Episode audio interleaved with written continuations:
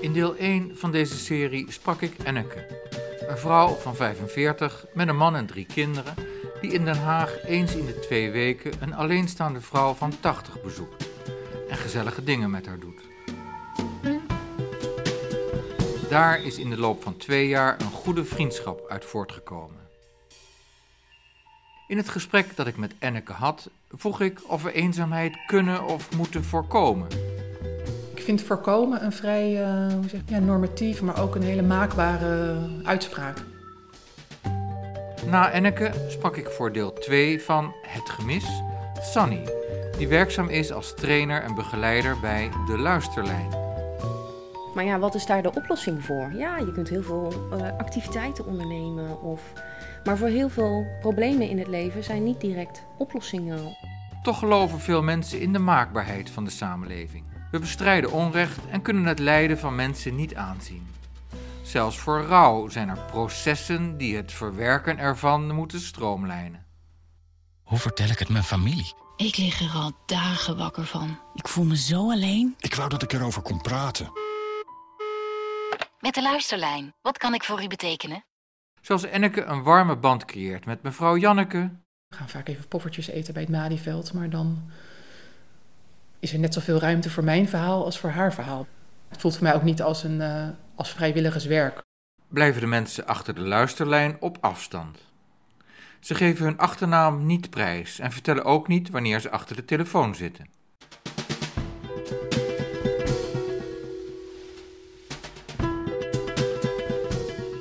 Je kunt behalve bellen ook met ze mailen en, mogelijk nog anoniemer, met ze chatten. En dat heeft, en dat is opmerkelijk, kennelijk hetzelfde effect als een gesprek tussen goede bekenden. Ja, ja je, je mist de emotie, hè? Nou, dat, dat gaat op een andere manier toch weer, maar dat, dat lukt toch wel redelijk nog. Het is meer dat het gewoon ook allemaal meer tijd kost en... Uh, maar dat geeft toch meteen ook weer, kan weer heel veel meer verdieping aan de gesprekken geven. Omdat het nog anoniemer is, dus soms mensen nog meer durven bloot te geven.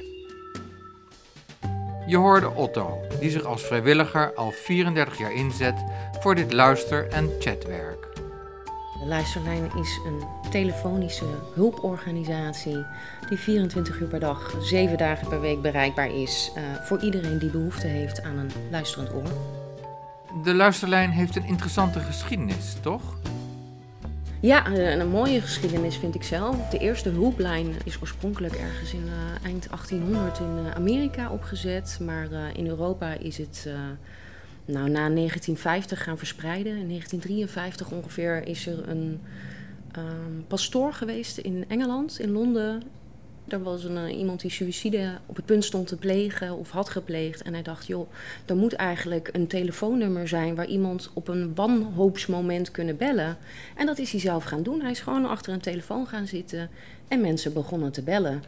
Uh, en op een gegeven moment konden ze dat niet meer aan, ook een collega erbij betrokken. Toen zijn ze vrijwilligers daarvoor in gaan zetten. En ze merkten van, goh, dat menselijke contact, zeker als mensen uh, met heftige gedachten zitten of, of bepaalde moeilijke dingen meemaken in het leven, is dat van enorme meerwaarde.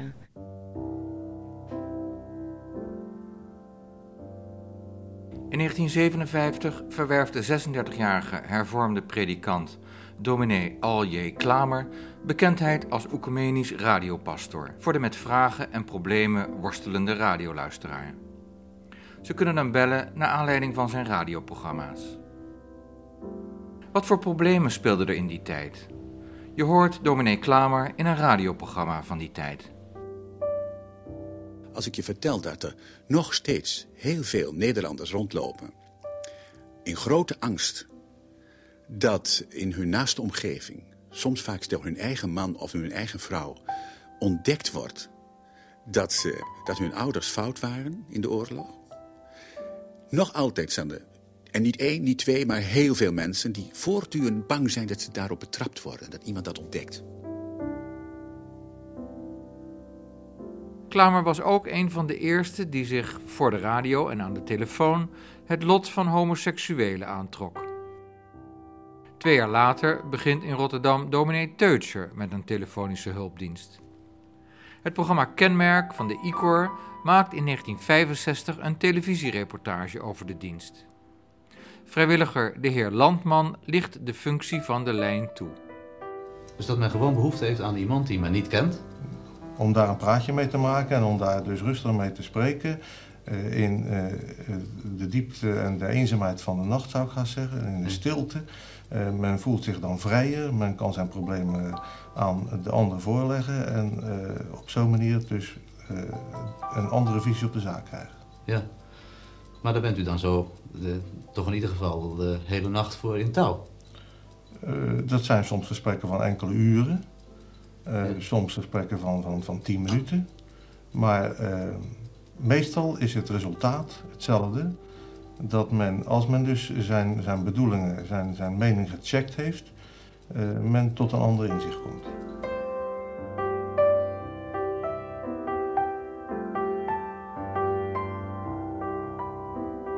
Die gesprekken van enkele uren betreffen mensen die bellen met suïcidale intenties en die door de telefoondienst dikwijls op andere gedachten worden gebracht.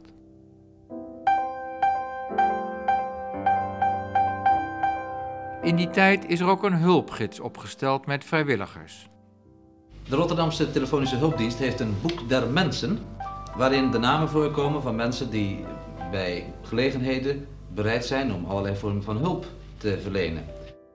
De mensen in dit zogeheten Boek der Mensen zijn bereid hulpbehoevenden ook bijvoorbeeld tijdelijk onderdak te bieden in hun huis. Ook de kinderen helpen mee, zoals bij de familie Volkertsma. En dat heeft een opvoedende werking. Zo werken de kinderen dus mee. Ja. En dat vind ik eigenlijk erg leerzaam en prettig. Dat is alleen maar goed voor een goed gezin. voor ze, ja. Zo Ja. zou ik het willen zeggen.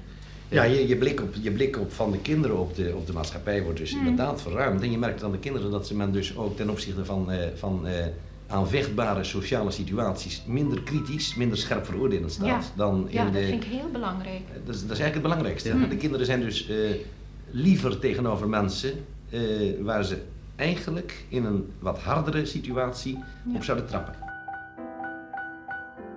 Terug naar trainer en begeleider Sunny. Die organisatie, nou dat werd Rotterdam, zo kwamen er meer steden bij. Uiteindelijk is dat een landelijke organisatie geworden. En nu heet het de Luisterlijn. Maar je vindt het eigenlijk in alle Europese landen terug een soortgelijk initiatief waar gewoon mensen zonder een professionele achtergrond per se, hè, als psycholoog of iets dergelijks, om achter een telefoon te gaan zitten en eh, bereikbaar te zijn voor mensen die verdrietig zijn, die zorgen hebben, die, ja, die, die, die ergens mee zitten. Zelfmoord, fout in de oorlog, homoseksualiteit, godsdienst. Dat waren in de begintijd belangrijke onderwerpen om daar de telefonische hulpdienst voor te bellen. Hoe ligt dat nu? De meest besproken onderwerpen zijn de geestelijke gezondheid, invulling van de dag, de relaties, dat kan zijn eh, liefdesrelatie, maar ook familie, vrienden, dat soort dingen. De lichamelijke gezondheid, eventueel ook eh, de zorg of werkstudie, de dagelijkse bezigheden, eh, waar iemand tegen dingen aan kan lopen, zeg maar. Dat zijn echt de toponderwerpen. Ja, nou en het kan ook komen dat er gewoon schaamte een rol speelt. In de loop van de 34 jaar die Otto dit vrijwilligerswerk doet, heeft hij de onderwerpen niet sterk zien veranderen, zegt hij. Afgezien van actuele zaken als oorlogsdreiging, economische malaise en corona. Als ik weer even aan de coronatijd denk, eh, er werd wel gezegd, eh, de, wappies, hè, de mensen die, die tegen vaccinatie waren of eh, daar zich ernstige zorgen over maakten, ja, die, die hadden soms een gemeenschap waarin ze gelijkgestemden vonden met wie ze erover konden spreken. Maar er waren ook groepen waarbij, ja, als je dat soort angsten had, of dat soort gedachten had, dat je niet durfde of wilde uiten, omdat ze bang waren dan weer als wappie uitgemaakt te worden. En dat is wel wat wij bij de luisterlijn doen. Als iemand met, met dat soort dingen eh, zit, dan luisteren we daar onbevangen naar. Wat ik er ook van vind, ik luister er onbevangen naar. Ik oordeel er ook niet over. En dat is wel iets wat denk ik iets is als mensen de luisterlijn bellen, dat ze die ruimte ook voelen. Dat ze, dat ze kunnen zeggen wat ze willen eh, en dat je niet oordeelt. Ja. Ehm, maar is, is zo'n gesprek dan nog functioneel voor de mensen? Voor de bellen blijkbaar wel, ja. Ehm, maar hou je mensen ook een spiegel voor? Hoe moet ik dat zien? Het ligt een beetje aan de situatie of ik eh, eh, vraag of mensen eh, feedback van mij willen horen als mij iets opvalt. En als je het vraagt, dan zal iemand nooit zeggen dat je het niet wil natuurlijk. Ik, ik, ik probeer daar wel even af te tasten of het uitpakt, maar ik, vaak is het wel nuttig ook om dat te doen, ja. Maar ja, na, na 34 jaar dan zou je zeggen van dan, dan heb je alle verrassingen wel gehad. Nee, toch niet. Nee? Nee, nee, nee. Ieder gesprek pakt toch weer anders uit. En soms dan denk ik eh, ook met, mijn ervaring dat ik iets eh, eh, zeg wat goed uitpakt. En dan pakt het juist helemaal niet goed uit. En het kan soms mensen zijn dat mensen boos worden omdat ze iets verwachten wat ik niet kan of niet wil bieden. En dat het ja, op verwijten uitloopt. Dat gebeurt soms. Het, het gebeurt niet vaak, maar er zijn wel gevallen dat ik dan toch weer verrast word door iets wat zich in een gesprek ontwikkelt. Je leert ook jezelf misschien beter kennen? Absoluut, ja, ja, ja, ja. Dat heb ik zelf ervaren en dat, dat is ook wat mensen in het hele eh, opleidingstraject, het, het, het, het inwerktraject horen. Je kunt iets brengen bij de luisterlijn, maar het is haast verdacht als je niet ook je realiseert dat je er iets kunt halen en dat je er ook je er bewust van bent dat je er iets kunt halen en dat het ook duidelijk de meerwaarde voor je kan zijn als vrijwilliger. Je leert natuurlijk een heleboel soorten mensen kennen. En een heleboel soort situaties waarvan je je soms afvragen... Goh, ik wist niet dat het ook kon of dat het ook bestond. Precies, ja, of... ja, ja. Nee, ik realiseer me wel, ik ben, ben denk ik toch wel, zeker als ik dan de- soms de verhalen hoor, in een best beschermde omgeving opgegroeid. En daar ben ik me nooit zo direct bewust van geweest. Maar door de verhalen van anderen word je daar wel weer bewuster van natuurlijk. Ja, ja.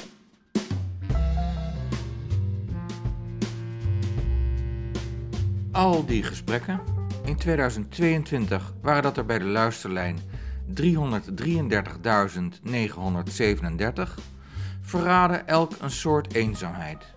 Want het zijn kennelijk gesprekken die je niet kunt voeren met je familie, vrienden of buren. Heeft Sanny zich verdiept in de oorzaken?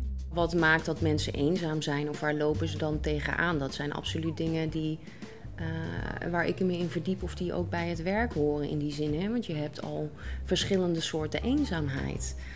Als ik dat op de straat zou vragen aan een willekeurig tien mensen, krijg ik tien verschillende antwoorden. En je kan ook eenzaam zijn terwijl je heel veel mensen om je heen hebt. Het gaat niet per definitie over het gebrek aan mensen. Eenzaamheid kan zijn dat je een gebrek hebt aan kwalitatieve contacten waar je echt eh, een wezenlijke behoefte van jezelf kunt vervullen. Bijvoorbeeld, wij begrijpen elkaar, wij zitten op hetzelfde niveau. En dat kan intellectueel zijn, of qua hobby's, of qua emoties inderdaad. We hebben een klik, of we hebben geen klik. Bijvoorbeeld, ja, een soort van ik voel me buiten de groep vallen, of hè, ik pas niet. eh, Dan zoek je een andere groep. maar niet iedereen heeft die kansen of mogelijkheden, of is daar bewust mee bezig misschien ook. Zijn er, om het maar zo te noemen, risicogroepen? We weten dat bepaalde doelgroepen in de maatschappij eenzamer zijn. Maar er zijn ook situaties waarin ik denk van, oh ja, deze persoon is eenzaam en ik snap ook dat daar geen oplossing voor is. En ik denk dan even aan een meneer, mevrouw die 100 is, eh, fysiek niet meer makkelijk zich kan bewegen, maar nog wel thuis woont en gewoon letterlijk nog geen stem heeft gehoord die dag of die week. En dan denk ik, ja, heel begrijpelijk dat je belt, want een, een stem of even contact hebben is een menselijke behoefte. Daarnaast heb je bepaalde doelgroepen die gewoonweg eh, wat hoger scoren op eenzaamheid. Dat zijn mensen met een beperking, bijvoorbeeld. eh, mensen met een buitenlandse achtergrond of laaggeletterden. Mensen die chronisch ziek zijn. En de laatste categorie, de mensen met eh, psychische problematiek. En dat is ook de groep die in de eerste instantie in mijn hoofd opkwam. Sommige mensen kunnen ook niet zo goed communiceren. of, en dat kan, dat kan het contact heel erg in de weg staan. Dus eenzaamheid is ook een kwestie van communicatie? Dat kan het zijn, ja. En ik moet denken aan wat Enneke zei in ons gesprek. Het is niet alleen een manier van communiceren, maar ook het überhaupt initiatieven nemen. Ik heb mijn vrijgezelle tijd ook gehad dat je denkt, ja, als ik mensen niet uitnodig, gebeurt er niks. Ja, kan je wel wachten tot iemand anders je uitnodigt. Maar ja, dat is even jammer de bammer. Maar dan, dan is het leven zo dat jij dus degene bent die initiatief neemt. Ja, dan kan je over zieken neuren of je kan het niet doen. Maar hè, dat is dan hoe het is. Ik bedoel, dat soort dingen denk ik dat dat wel belangrijk is om je daar op een goede manier toe leren te verhouden. En de dingen dus wel te gaan doen. En daar niet leidzaam in te zijn. Twee jaar geleden heb ik in Spanje een kunstzinnig geschilderd tegeltje voor aan de wand gekocht. Waarop staat: Nada se mueve si no empujas. Nada se mueve si no empujas. Niets beweegt als je niet duwt. Is het erg om eenzaam te zijn? Chronische eenzaamheid, daar spreken we van als je daar langer dan zes maanden last van hebt, is heel ongezond. Ik, maar, ik zeg wel eens ooit gekscherend, je kunt beter twee pakjes sigaretten per dag roken dan langer dan zes maanden eenzaam zijn. Dat leidt tot hart- en vaatziekten, dat leidt tot allerlei uh, gezondheidsrisico's, zowel psychisch als lichamelijk. En het leidt tot de vroegtijdige dood, net zoals roken dat doet. Langdurige eenzaamheid is ongezond. Mijn sociale leven was altijd leuk en gezellig. En toen mijn man en ik uit elkaar gingen, had ik eigenlijk nergens zin in. Ik was veel op mezelf. Zo kan het gaan. Maar het gaf me wel een eenzaam gevoel. Ik heb toen weer met wat vrienden afgesproken. Ik ben heel blij dat ik dat gedaan heb. En nu spreken elkaar weer regelmatig. Herken je ook het gevoel van eenzaamheid? Een kleine stap kan het verschil maken. Kijk wat jij kan doen op 1 eenzaamheid.nl. Van eenzaamheid word je dus sneller ziek. En dat heeft de overheid ook begrepen. En ze roept ons op om mee te doen in de Week tegen Eenzaamheid. Die wordt georganiseerd door het ministerie van Volksgezondheid, Welzijn en Sport. En dat ministerie betaalt ook de kosten van de luisterlijn. Vraag Otto of hij, misschien ook in het licht dat eenzaamheid slecht is voor je gezondheid, een zekere verantwoordelijkheid voelt ten opzichte van de mensen die hij spreekt. Ja en nee. En daar bedoel ik mee, uh, de mensen hebben en houden gewoon een eigen verantwoordelijkheid. En ik luister naar ze en uh, dat probeer ik zo goed mogelijk te doen. Maar uh, ja, uiteindelijk is dat is soms ook, soms ook wel lastig. Dat heb ik ook wel, wel moeten leren. Maar uiteindelijk zijn het dus degene die belt of die chat... die zelf verantwoordelijk is en blijft voor zijn situatie. Dat heb je moeten leren? Ja, wat, wat je over het algemeen, dat zie ik ook, ik ben ook mentor en ook bij, bij mensen die pas beginnen, dat je vaak de neiging hebt om te zeggen, ja, ik, ik, ik moet toch helpen. En dat betekent dan vaak ook dat, dat mensen heel actief iets zouden willen betekenen. En wat je op een gegeven moment leert aan de luisterlijn is dat alleen al het feit dat je, dat je luistert en onbevooroordeeld luistert, uh, dat je daarmee al ontzettend veel kunt betekenen en vaak ook al meer dan genoeg betekent. En um, juist als ik, als ik actief begin te worden en, en uh, ik noem maar iets allerlei suggesties aandragen en in die zin hard begin te werken, en dan zie je dat het vaak juist niet goed uitpakt ook. Maar dat is wel een, een leerproces. Dat. Wat zijn voor Otto moeilijke gesprekken? Wat wel lastig is als mensen eigenlijk alleen problemen buiten zichzelf plaatsen. Hoe begrijpelijk het soms ook is, maar als mensen ja, ook weer met het idee, ik kan, kan mensen eigenlijk haast niet anders helpen dan naar ze te luisteren. Uh, maar ze, ja, vanuit het, dat ze uiteindelijk verantwoordelijk zijn voor de oplossing. Als mensen eigenlijk altijd alles alleen maar buiten zichzelf plaatsen, dan, dan, ja, dan, dan kom je er eigenlijk niet verder mee. En dan kan ik ook eigenlijk niks anders doen dan, dan weer naar ze luisteren. Uh, maar vaak is dat, is mijn ervaring wel voor de bellen ook vaak wat onbevredigend. Omdat hij dan toch liever een advies van me zou willen hebben. Maar wat voor advies ik dan geef, het pakt eigenlijk nooit goed uit. Dus dat zijn wel lastige gesprekken, ja. Ik weet niet of je het zelf ook wel eens ervaren hebt. Sommige mensen hebben de neiging om, om heel erg uh, de samenleving, wat dan ook, in ieder geval alles om hun heen de schuld te geven. En zijn niet zo goed in staat om ja, wat zelfreflectie uh, te plegen. Om te kijken wat hun eigen rol daarin is. Ik neem aan dat gesprekken met mensen die hun leven willen beëindigen ook lastig zijn. Ik ben er inmiddels wel aan gewend geraakt. Klinkt misschien een beetje gek. We leren ook wel om er onbevangen mee om te gaan. Ik weet je bij voor kunt stellen. Ik denk, ik denk ook eigenlijk dat het bij uitstek eenzame mensen zijn, of vergis ik me dan? Oh nee, dat, dat, zijn, kunnen ook mensen zijn die gewoon weer een...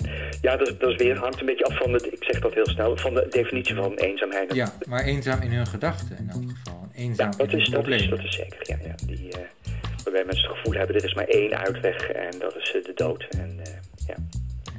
Maar, maar ja, je staat er inderdaad een beetje onbevangen tegenover en je weet ook dat jij niet verantwoordelijk bent.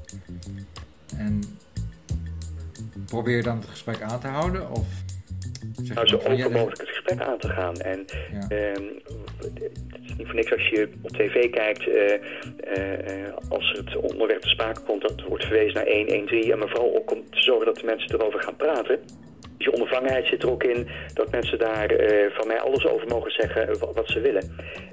Als je er niet zo vertrouwbaar bent, dan, dan kun je denken... Van, stel dat je een licht signaal hoort dat iemand zegt van... goh, uh, ja, ik, ik, ik ben toch zo ontzettend moe. En, en er zijn zo wat, wat lichte signalen waar wij eigenlijk op, alert op zijn van... goh, dat kan het opduiden dat iemand uh, ja, ook het leven moe is. En dat er daar dan...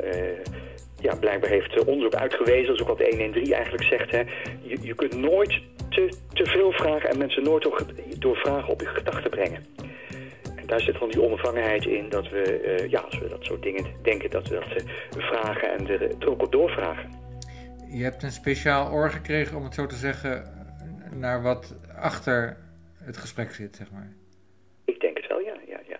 En daar worden we ook op getraind. Dus, uh... De tekst tussen de regels.